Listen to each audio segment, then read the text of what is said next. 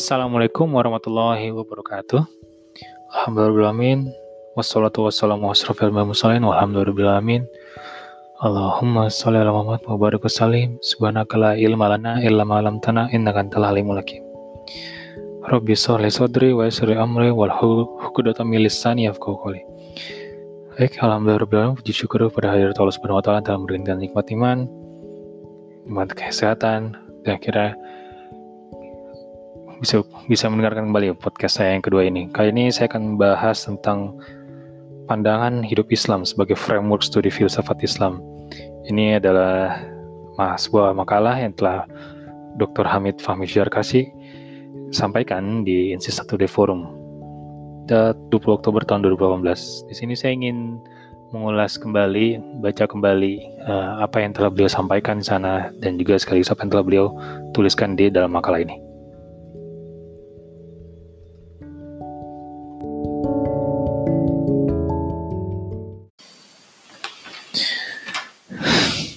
Pandangan hidup Islam sebagai framework studi filsafat Islam. Islam adalah nama agama yang lahir dari, dari sebab turunnya wahyu ilahi pada Nabi Muhammad SAW yang kemudian difahami dan sebarkan oleh akal dan intuisi manusia. Islam kemudian berkembang menjadi sebuah peradaban baru dengan struktur konseptualnya yang kokoh dan universal.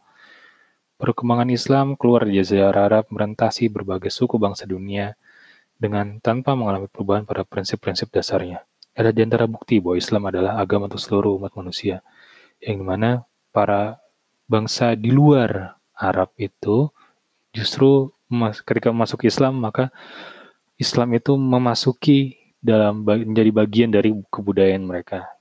Dan bukan menjadi sebuah penolak atau itu bukan jadi sebuah peresistensi. Tidak seperti peradaban barat yang ketika dia ditekankan uh, atau masuk uh, kepada peradaban lain, mereka orang itu bisa jadi tersekularisasi, terbaratkan.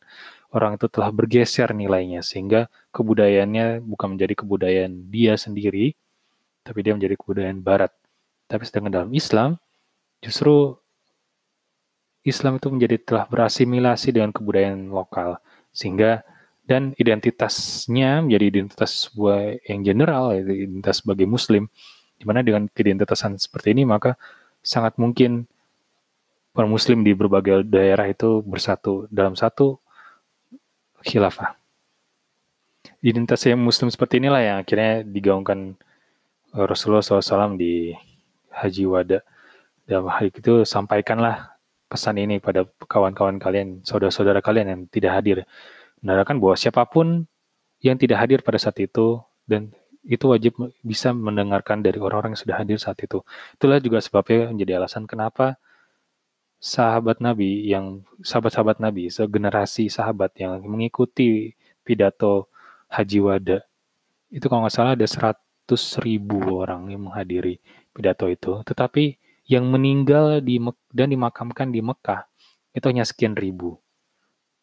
Jadi kita bisa melihat betapa ke mana, ke mana para sahabat ini pergi dan ke mana mereka semua di kamu. Mereka menyebarkan pesan Islam ini ke seluruh belahan dunia yang ada.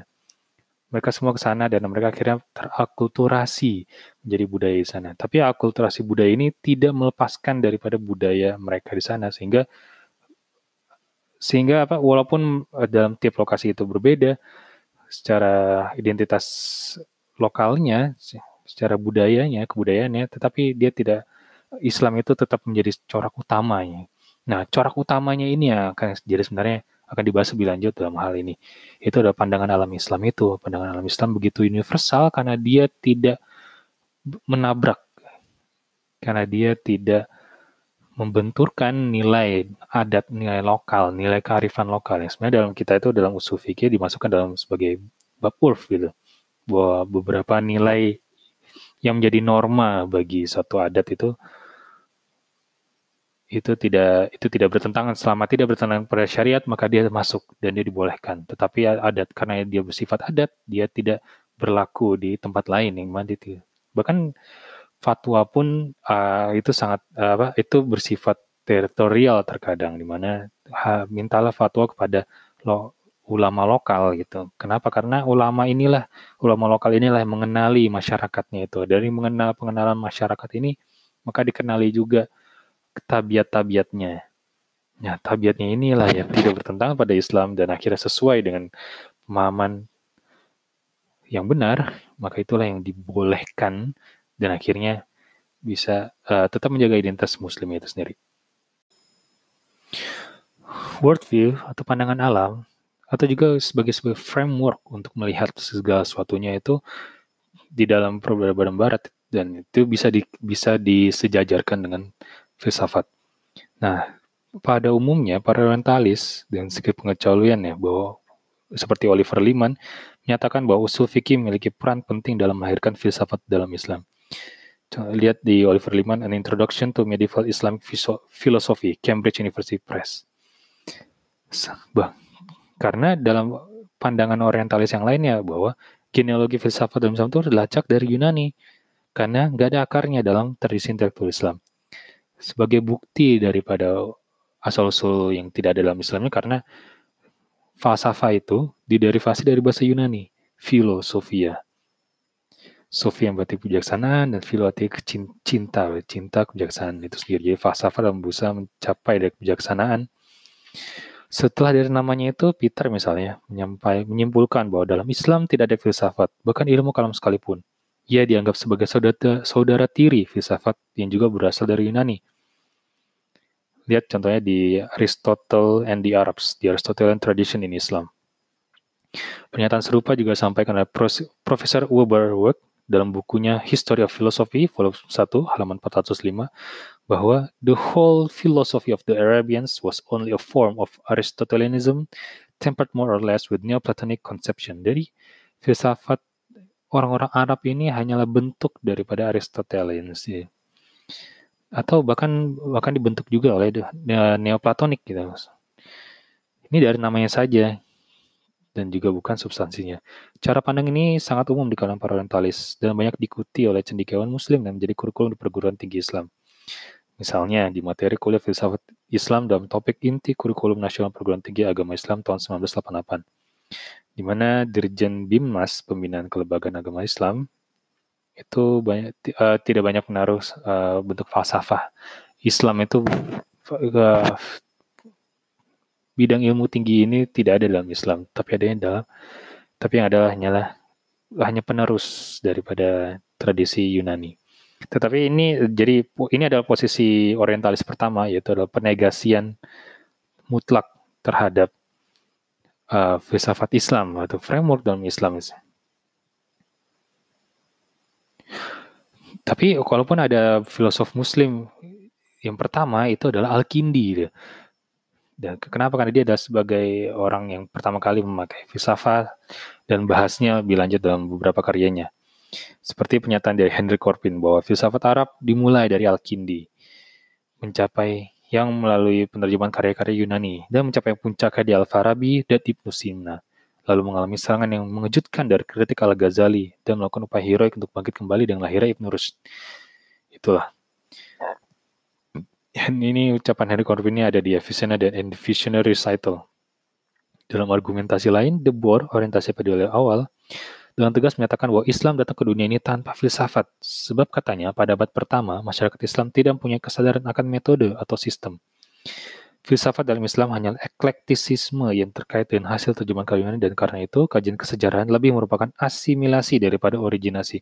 Jadi dalam pendapatnya Debo, Debor ini bahwa Islam itu tidak memiliki seperti tadi saya bilang bahwa tidak ada ilmu tinggi dari sini bahwa tidak pandangan alam Islam itu tidak ada tapi dia hanya penerus dari para kalangan Yunani itu sendiri makanya filsafat Islam para filsuf Muslim yang dianggap itu memang hanya hanya sebatas Al-Kindi, Al-Farabi dan Ibnu Sina bahkan lebih jauh lagi bahwa Gustav E. von menyatakan bahwa Hellenisme memberikan bentuk pemikiran yang rasional kepada peradaban muslim. Bahkan dalam beberapa kasus menyediakan seperangkat konsep-konsep dan pada banyak kasus menyuguhkan prinsip-prinsip klarifikasi. Bahkan hanya filsafat ya. Ilmu tasawuf dalam Islam sekalipun tetap dianggap dari aspirasi Yunani, kalaupun tidak bisa transmisi kata per kata. Bahkan sistematika tasawuf dalam Islam menurutnya merupakan kelanjutan dari mistisisme dalam Kristen.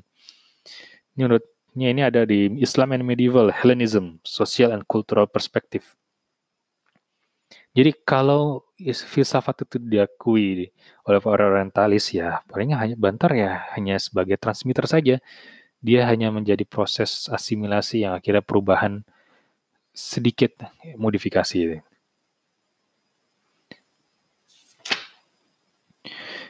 Pernyataan ini agak berlebihan sebab penerjem pernyataan bahwa Islam hanya sebatas transmitter itu agak berlebihan juga dan hanya hanya mengakui dan mengakui bahwa adanya Tetapi ada juga posisi orientalis lain seperti Michael Marmura dalam The Encyclopedia of Religion. Thus, the Falasifa did not simply accept ideas they received through translations. They criticized, selected, and rejected.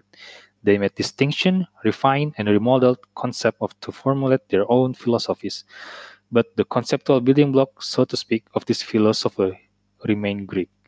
Jadi bahkan ini adalah yang paling adil di antara semua para orientalis ya bahwa para filsuf muslim, para ilmuwan muslim itu telah berhasil menerjemahkan dan menolak dan akhirnya membangun sesuatu dari bangunan filsafat Yunani. Tapi bahkan itu pun masih diakui bahwa tetapi bangunan utamanya itu ada dari peradaban Yunani.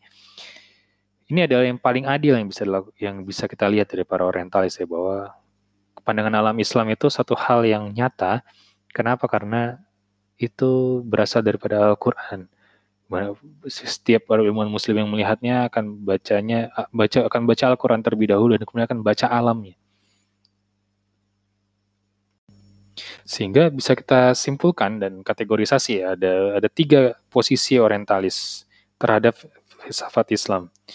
Itu pertama adalah menolak total, yang kedua adalah menjadikan dia sebagai transmitter atau penyambung kata-kata daripada peradaban Yunani dan akhirnya menjadi satu bagian daripada tradisi Helenistik. Dan yang terakhir adalah dia tet, apa uh, Islam telah mengembangkan filsafatnya sendiri, tetapi bangunannya itu tetap berasal dari Yunani. Di sini kita bisa melihat bahwa sebenarnya apakah apakah ini satu hal yang benar atau tidak, mari kita simak berikutnya. Worldview Islam sebagai bangunan konsep, yang di mana ketika konsep dalam pandangan hidup itu saling terkait erat dan merupakan kesatuan pemikiran, maka pandangan hidup adalah bangunan konsep yang terdapat dalam pikiran seseorang atau jaringan berpikir, mental network, yang berupa keseluruhan yang saling keterhubungan, atau architectonic whole. Ini adalah bahasa dari Prof. Parson dan Sikyeng. Di, di framework dari bukunya Islamic Science, halaman 10. Bangunan konsep itu terbentuk dari dalam alam pikiran seseorang secara perlahan-lahan in a gradual manner, bermula dari akumulasi konsep-konsep dan sikap mental yang dikembangkan oleh seseorang sepanjang hidupnya, sehingga akhirnya membentuk framework berpikir. Secara epistemologis, proses pikir ini sama dengan cara kita mencari dan memperoleh ilmu, yaitu akumulasi pengetahuan a priori dan a posteriori. A priori itu adalah pengetahuan yang diperoleh melalui asumsi atau cara berpikir tertentu terhadap fakta-fakta tanpa observasi atau pengalaman khusus satu hal yang daruriat atau ini hal-hal yang kita bisa lihat secara nyata dan kita tidak perlu menalarnya lebih lanjut untuk memahaminya. Sama seperti kita menilai apakah satu itu lebih besar daripada nol, ya, apakah dua itu lebih besar daripada satu. Jadi ada begitu fakta-fakta yang begitu nyata sehingga kita tidak perlu menalarnya kembali. Atau juga dan, dan a posteriori ada pengetahuan tidak dapat diperoleh secara a priori. Sehingga ilmuwan muslim dalam hal ini bahwa mereka mendapatkan inspirasinya utama dari Quran. Bagaimana apakah kalian tidak melihat bagaimana Tuhan meninggikan langit tanpa tiang? Di situ kita bisa lihat bahwa bagaimana kita, diminta untuk melihat bagaimana alam ini bekerja dan sebenarnya memperhatikan lebih dalam kembali kenapa alam ini begitu seimbang dan sehingga dia berdiri kokoh di atas kita. Dalam hal ini langit. Dari perumpamaan contoh yang sebelumnya, maka kita bisa melacak bahwa konsep yang masuk ke dalam diri seseorang itu ada tentang kehidupan, masuk dalam konsep hubungan antar sama arti dan tujuan hidup. Cara-cara manusia menjalani kegiatan kehidupan sehari-harinya, sikap-sikap individual dan sosial dan sebagainya. Sesudah konsep hidup dan kehidupan berkembang dalam pikiran seorang, maka secara alami pula konsep mengenai dunia di mana manusia hidup akan terbentuk. Pandangan dan konsep mengenai dunia ini sekitarnya akan melahirkan konsep ilmu pengetahuan. Gabungan dari konsep kehidupan, dunia, dan pengetahuan ini melahirkan konsep yang lebih canggih lagi, yaitu pada konsep nilai dan moralitas. Jadi kita bisa melihat alurnya bahwa sebenarnya kita melihat dulu alam ini seperti apa. Maka dan kita juga berusaha untuk menghubung-hubungkan antara alam diri sendiri dengan umur kita, dan apa pun yang bisa kita sentuh dan kita lihat dan kita nalar dari semuanya dan kita kita berusaha untuk membangun jembatan antar konsep-konsep tersebut. Konsep-konsep tersebut itu akan menjadi pandangan dasar, pandangan alam itu sendiri. Dari pandangan alam itu akhirnya terbentuklah konsep ilmu pengetahuan. Dari gabungan konsep ilmu pengetahuan inilah akan terbentuk lagi yaitu konsep nilai dan moralitas. Yang mana konsep nilai moralitasnya akhirnya membentuk tingkah laku manusia, baik hidup secara individual mau baik maupun secara komunitas. Di komunitas itu pun terbagi lagi dari lingkungan, secara masyarakat, warga negara dunia. Meskipun pengetahuan yang diterima oleh akal manusia itu bersifat acak, namun ketika ia terstruktur dalam pikiran manusia dalam bentuk-bentuk konsep, ia dapat teridentifikasi. Perfapasan mengkategorikan struktur pandangan hidup menjadi lima bidang konsep dalam Islamic Science ini. Itu pertama adalah struktur konsep tentang kehidupan, konsep tentang dunia, konsep tentang manusia, konsep tentang nilai, dan konsep tentang pengetahuan. Proses akumulasi struktur konsep di atas dalam pikiran seorang tidak selalu berurutan atau bahkan mungkin dalam beberapa aspek bergerak secara simultan. Tapi yang penting kelima struktur itu pada akhirnya menjadi satu kesatuan konsep. Kesatuan konsep ini berfungsi sebagai kerangka umum general scheme dalam memahami segala sesuatu termasuk diri kita sendiri dan bahkan mendominasi cara berpikir kita. Maka dalam pengertian ini, pandang hidup merupakan framework berpikir. Ini berarti bahwa teori atau konsep apa pun yang dihasilkan oleh seseorang dengan pandangan hidup tertentu akan merupakan produk dari struktur konsep di atas. Maka bagi seorang yang memiliki agama, kepercayaan sudah tentu konsep Tuhan akan masuk dalam pandangan hidupnya.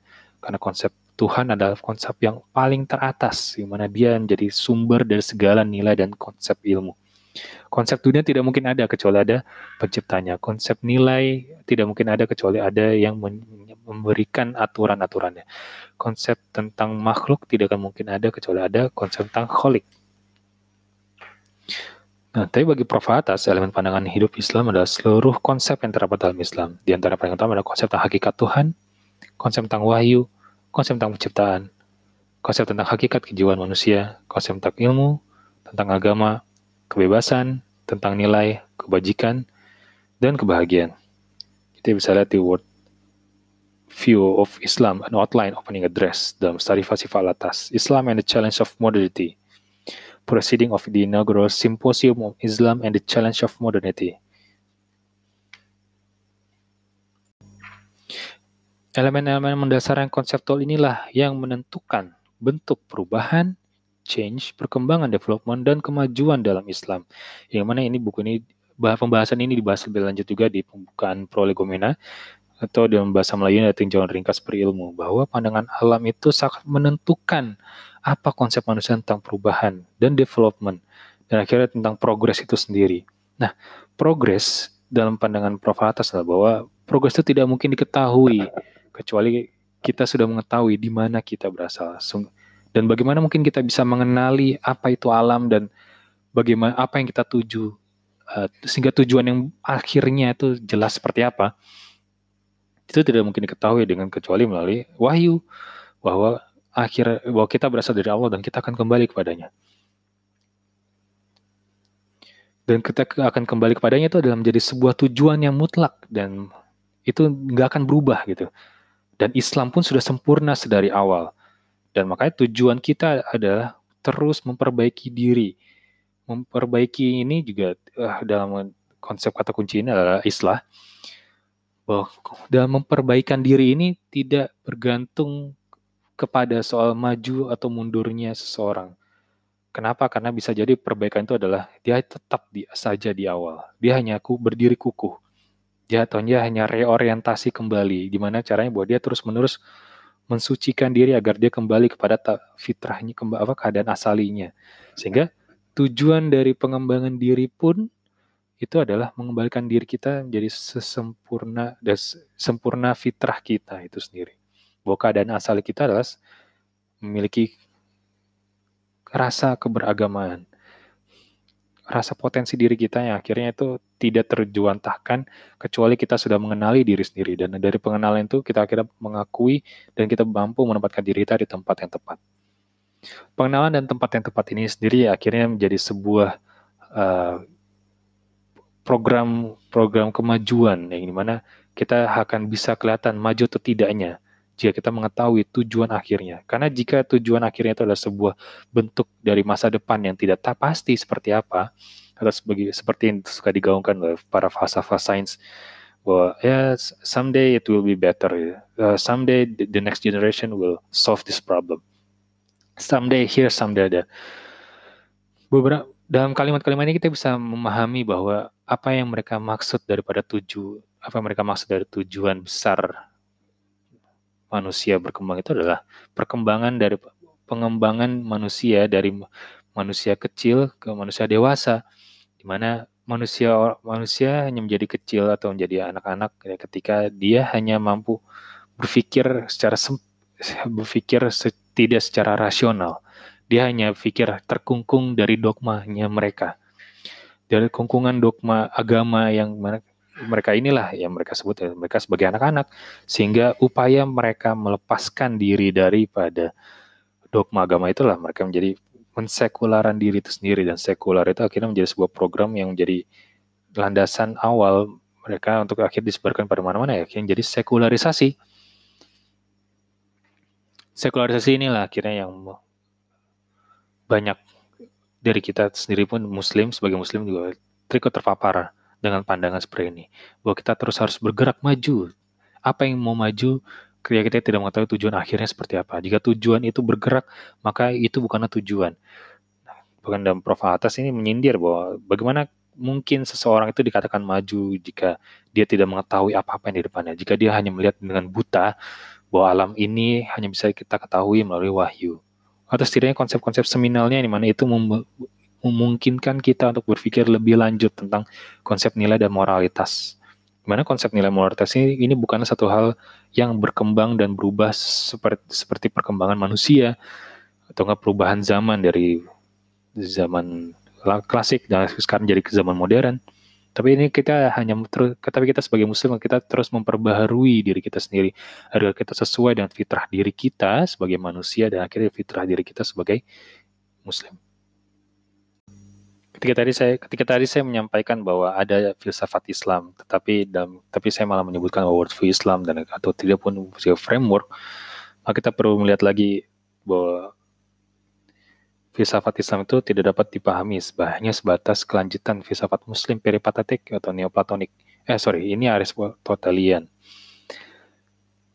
atau nggak pun neoplatonik gitu. Sebab istilah filsafat sendiri dari sejak zaman Barat kuno, pertengahan dan modern telah mengalami perubahan makna dari konsepsi rasionalisnya, kritis, dan akhirnya konsepsi positivitis.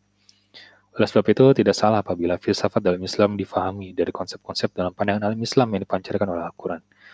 Konsep-konsep seminal ini dalam ini yang membahas tentang alam semesta, manusia, tentang penciptaan, ilmu, etika, kebahagiaan dan sebagian adalah konsep-konsep asas bagi spekulasi filosofis dalam memahami realitas dan kebenaran.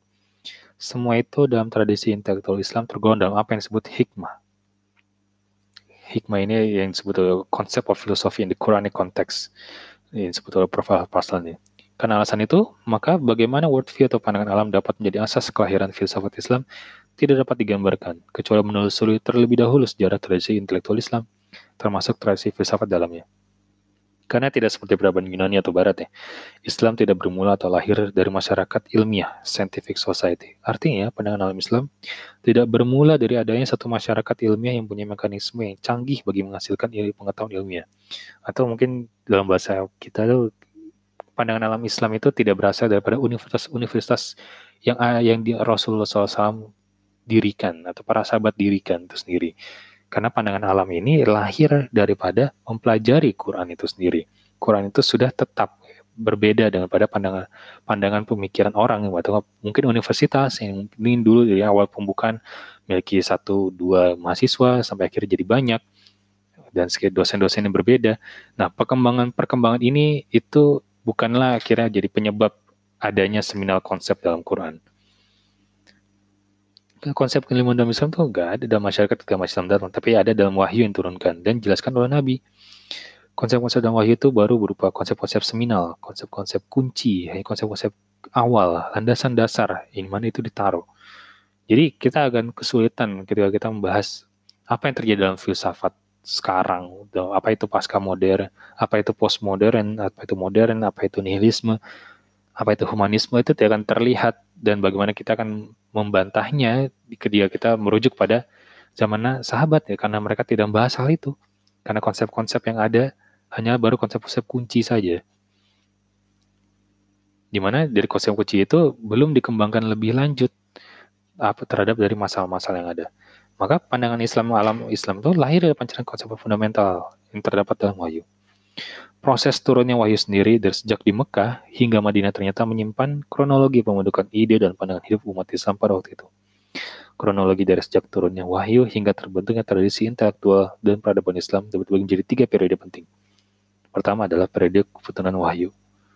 Menung wahyu dibagi jadi tiga tahapan, dari Mekah yang pada ketika wahyu turun di Mekah dan jelaskan oleh Nabi. Tahap Mekah ini paling penting karena hampir 70% wahyu turun di Mekah yaitu 85 surat dari 113 Quran. Karena itu, dengan merujuk kepada konsep-konsep terdapat dalam wahyu, maka pada Mekah dibagi menjadi dua tahap lagi, maka tahap awal dan tahap akhir. Pada maka tahap awal, wahyu yang turunkan umumnya mengandung konsep-konsep tentang Tuhan dan keimanan padanya, hari kebangkitan, penciptaan, akhirat, surga dan neraka, hari pembalasan baik dan buruk, dan lain sebagainya yang semuanya itu merupakan elemen penting dalam susunan konsep worldview Islam. Pada periode ini, Ayat-ayat yang turun sudah meliputi masalah yang menjadi domain metafisika, yang dalam tradisi filsafat Yunani merupakan masalah yang difikirkan secara spekulatif.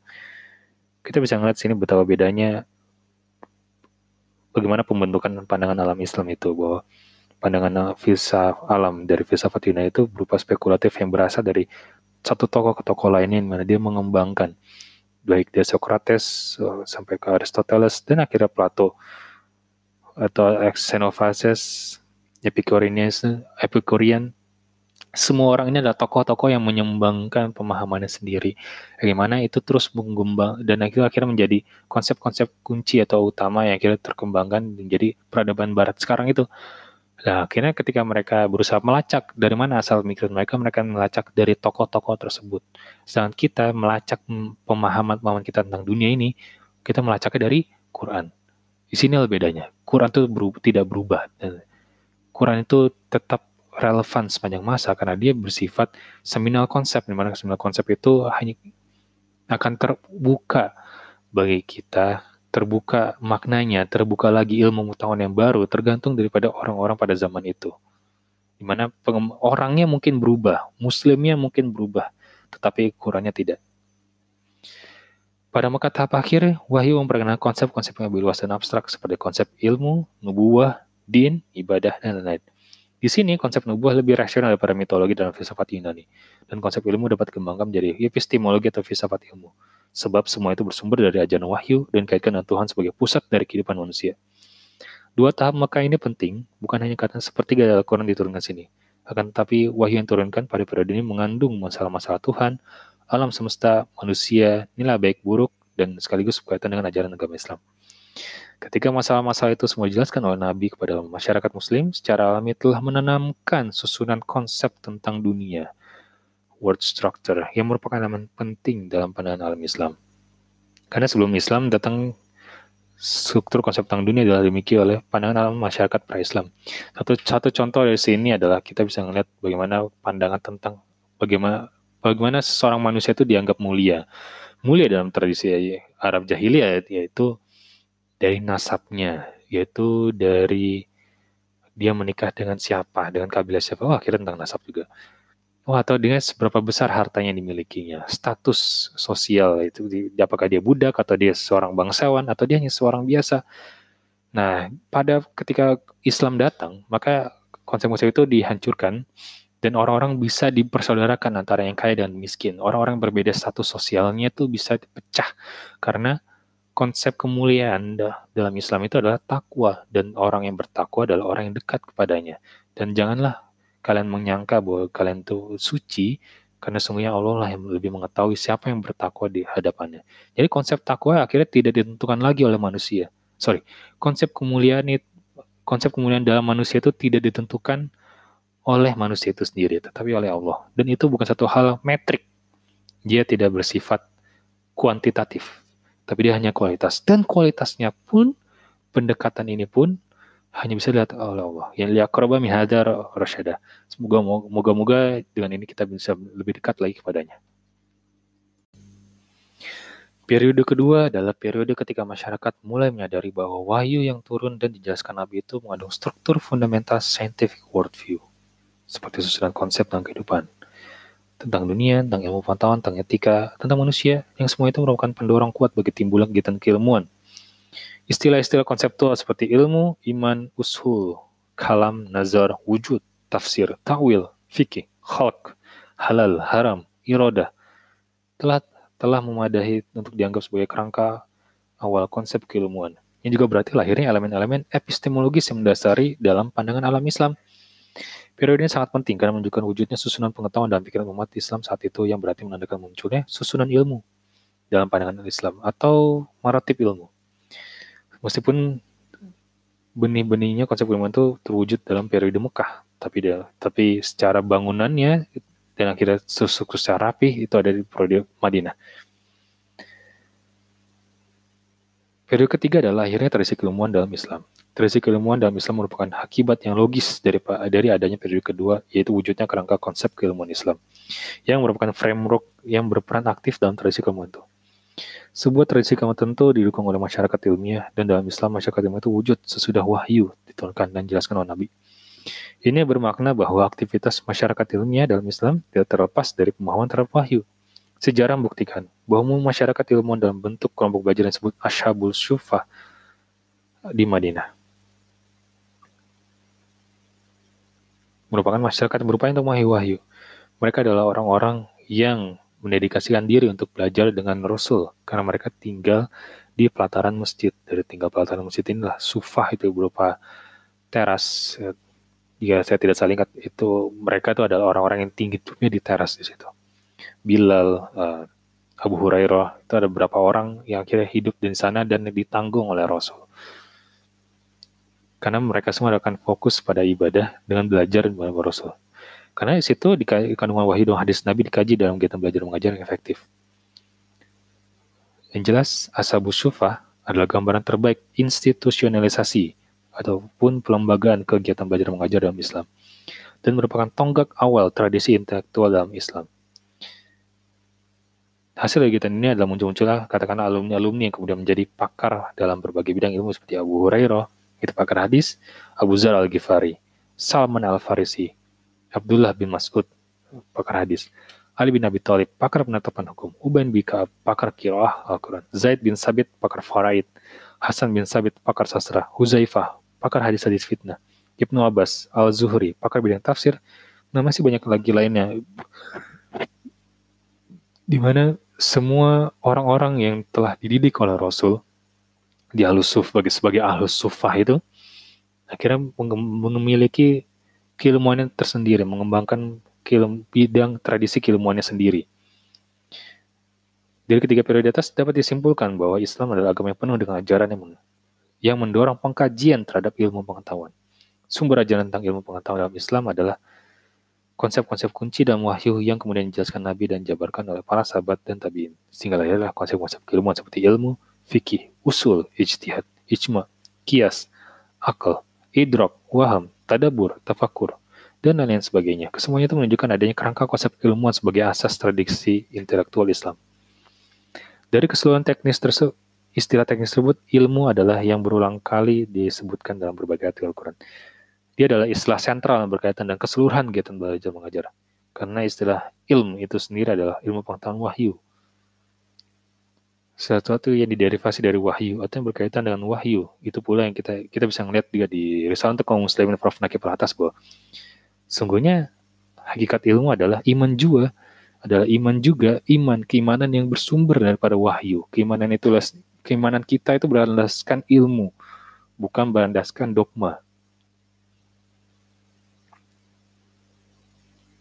Maka itu dalam hal akidah kita tidak boleh taklid pada orang karena kita perlu memaham, kita perlu meyakini akan kebenaran iman, eh, kebenaran Al-Quran itu dengan mata kepala diri sendiri atau syuhudnya kita. Maka itu asyhadu alla ilaha illallah wa asyhadu anna muhammadar rasulullah. Saya bersaksi bahwa saya bahwa Tuhan adalah Allah adalah Tuhan semesta alam dan Rasul adalah nabi utusan Allah. Kita harus melihatnya secara keilmuan gitu. Di mana keilmuan itu harus didatangkan oleh diri sendiri dan bukan oleh orang lain. Tidak tidak ada hidayah yang yang tidak kita upayakan untuk mencapainya. Filsafat Islam adalah filsafat yang berkembang dari word Islam, jadi diproyeksikan oleh Al-Quran yang dihidupkan oleh tradisi intelektual Islam seperti fikih, kalam, dan tasawuf yang tercakup dalam terma hikmah. Dalam kaitannya dengan disiplin filsafat Islam, aktivitas memahami, menafsirkan, menjelaskan, dan, dan mengembangkan konsep-konsep seminal dalam Al-Quran itu tergambarkan dalam tiga terma yaitu kalam, falsafah, dan hikmah. Kalam adalah, istilah oleh kebanyakan ilmuwan diartikan sebagai ilmu yang mempertahankan asas-asas agama dan sering kali disebut teologi. Tapi sebenarnya kalam lebih luas daripada itu, sebab selain mendiskusikan isu teologis, dia juga membahas problem-problem filsafat. Oleh sebab itu, para orientalis memberi berbagai gelar, berbagai macam terma untuk menyebut apa itu kalam, yaitu seperti philosophical theology, Islamic theology, atau philosophy of kalam. Jika dia pertengah, abad pertengahan Barat menyebut teolog mereka sebagai filosof, maka umat Islam dapat pula menyebut para mutakalimun sebagai filosof. Falsafah, nama ini adalah terjemahan murni dari filosofia, dan istilah ini dikaitkan dengan Muslim peripatetik al-masyaiyah. Tokoh-tokohnya yang terkenal seperti Al-Kindi, Al-Farabi, Ibnu Rushd, Ibnu Sina, Ibnu Tufail, Ibnu Bajah, dan sebagainya. Terus sebenarnya Muslim ini pada titik ini dalam pengertian Aristoteles hanyalah teolog, sebab mereka hanya mengembangkan teologi Aristoteles. Yang terakhir adalah al-hikmah yang berarti kebijaksanaan, sedikit berkaitan dengan istilah filosofi, tetapi lebih luas artinya, karena hikmah tidak hanya bersumber pada akal manusia, tetapi pada wahyu. Oleh sebab itu, bidang kajian al-hikmah lebih luas daripada filsafat. Jika pembagian di atas kita terima, maka filsafat Islam bukan hanya terbatas pada falsafah dan pendekatan atau framework. Pelajari filsafat Islam harus diubah. Dia bukan lagi sebuah objek bidang ilmu yang mana bisa diambil dari pandangan alam orientalis. Kenapa? Karena pertama, definisi, definisi dan pengertian Islam, filsafat Islam berbeda. Yang kedua adalah proses lahirnya filsafat Islam itu sendiri. Gimana kita, saya tadi udah menjelaskan secara uh, jelas di bagian bahwa filsafat Yunani, filsafat Barat yang ada sekarang itu berkembang dari para tokohnya. Dan dia berkembang secara evolusioner, baik secara waktu maupun dari orang dan beda tempat. Tapi Islam, ketika kita harus melacak genealoginya, konsep seminalnya, maka dia berasal daripada Quran, di mana Muslim ketika pada Muslim yang berbeda zaman itu tetap memiliki wahyu yang sama, tetapi dia mengembangkan keilmuan yang berbeda bergantung pada tantangan yang ada. Sehingga mereka membahasakan kembali dan mengkaji lebih lanjut lagi apa yang sedang terjadi dalam masa mereka dan apa yang akan terjadi pada masa depan yang berasal dari Al-Quran itu sendiri. Sehingga kemunculannya dan tokoh-tokoh yang bawahnya itu tidak bisa tidak bisa sama tidak bisa disamakan antara tokoh-tokoh filsuf muslim atau para mutakalimun dengan para teo teolog barat karena memiliki genealogi yang berbeda dan tradisinya itu sendiri yang berbeda. Sehingga tujuan pengkajian filsafat adalah untuk memberikan kemampuan kepada mahasiswa untuk memahami konsep-konsep penting dalam pemikiran filsafat Islam. Selain itu juga memberikan kecakapan kepada mahasiswa untuk merujuk konsep-konsep seminal dalam Al-Quran dan hadis yang berkaitan dengan filsafat. Sehingga dengan begitu ia mampu menjelaskan konsep-konsep yang pernah ada dalam khazanah intelektual Islam yang sesuai dengan situasi masa kini Maka itu adalah Islam adalah pandangan hidup yang mempunyai konsep-konsep kunci yang berasal dari dalam tradisinya sendiri dan berbeda secara diametris dari konsep-konsep dalam pandangan hidup agama dan peradaban lainnya. Jika konsep-konsep dalam pandangan hidup Islam itu dibingkai dalam susunan yang sistemik, maka konsep itu akan saling berkaitan antara satu dengan lainnya seperti membentuk suatu keseluruhan yang integral. Maka ia dapat menjadi asas epistemologi dan bahkan dapat menjadi framework kajian berbagai disiplin ilmu pengetahuan Islam. Mengkaji pemikiran filsafat mana pun sebenarnya mengkaji pandangan hidup jika pandangan hidup adalah suatu pandangan pemikiran terdiri dari konsep-konsep, maka ketika suatu pandangan hidup dipahami secara filosofis, ia menjadi sistem filsafat dan yang nampak bukan lagi pandangan hidup, tapi adalah sistem filsafat tersebut. Oleh karena itu, memahami filsafat Islam dari pandangan hidup, Islam berarti memahaminya dengan pendekatan sistemik. Dengan, dengan ini, maka sebagai sebuah sistem filsafat, Islam dapat digunakan memahami sistem sistem filsafat lainnya seperti filsafat Barat, dan bahkan dapat dipakai untuk mengkritik dan juga mengadapsi konsep-konsep asing ke dalam milieu filsafat dan pemikiran Islam. Alhamdulillah, uh, berikut adalah pembacaan dari makalah yang disampaikan oleh Dr. Hamid Fahmi Zarkasi. Insya Allah dengan ini uh, konsep-konsep penting dalam Islam itu akan semakin digaungkan kembali dan kita akan memakainya sebagai objek, sebagai penafsir daripada sains yang kita miliki, penafsir daripada ilmu-ilmu yang kita hadapi saat ini, penafsir daripada realitas yang kita konsepkan seperti masa ini, di mana konsep ini tidak lepas daripada tradisi keilmuan yang para ilmuwan muslim itu miliki. Kita bersumber dan akhirnya kita akan melacak kembali semua konsep dan pemahaman ini, melacak kembali pada Rasulullah SAW. Uh, kurang lebih mohon maaf. Wabillahi taufiq wa hidayah. Wassalamualaikum warahmatullahi wabarakatuh.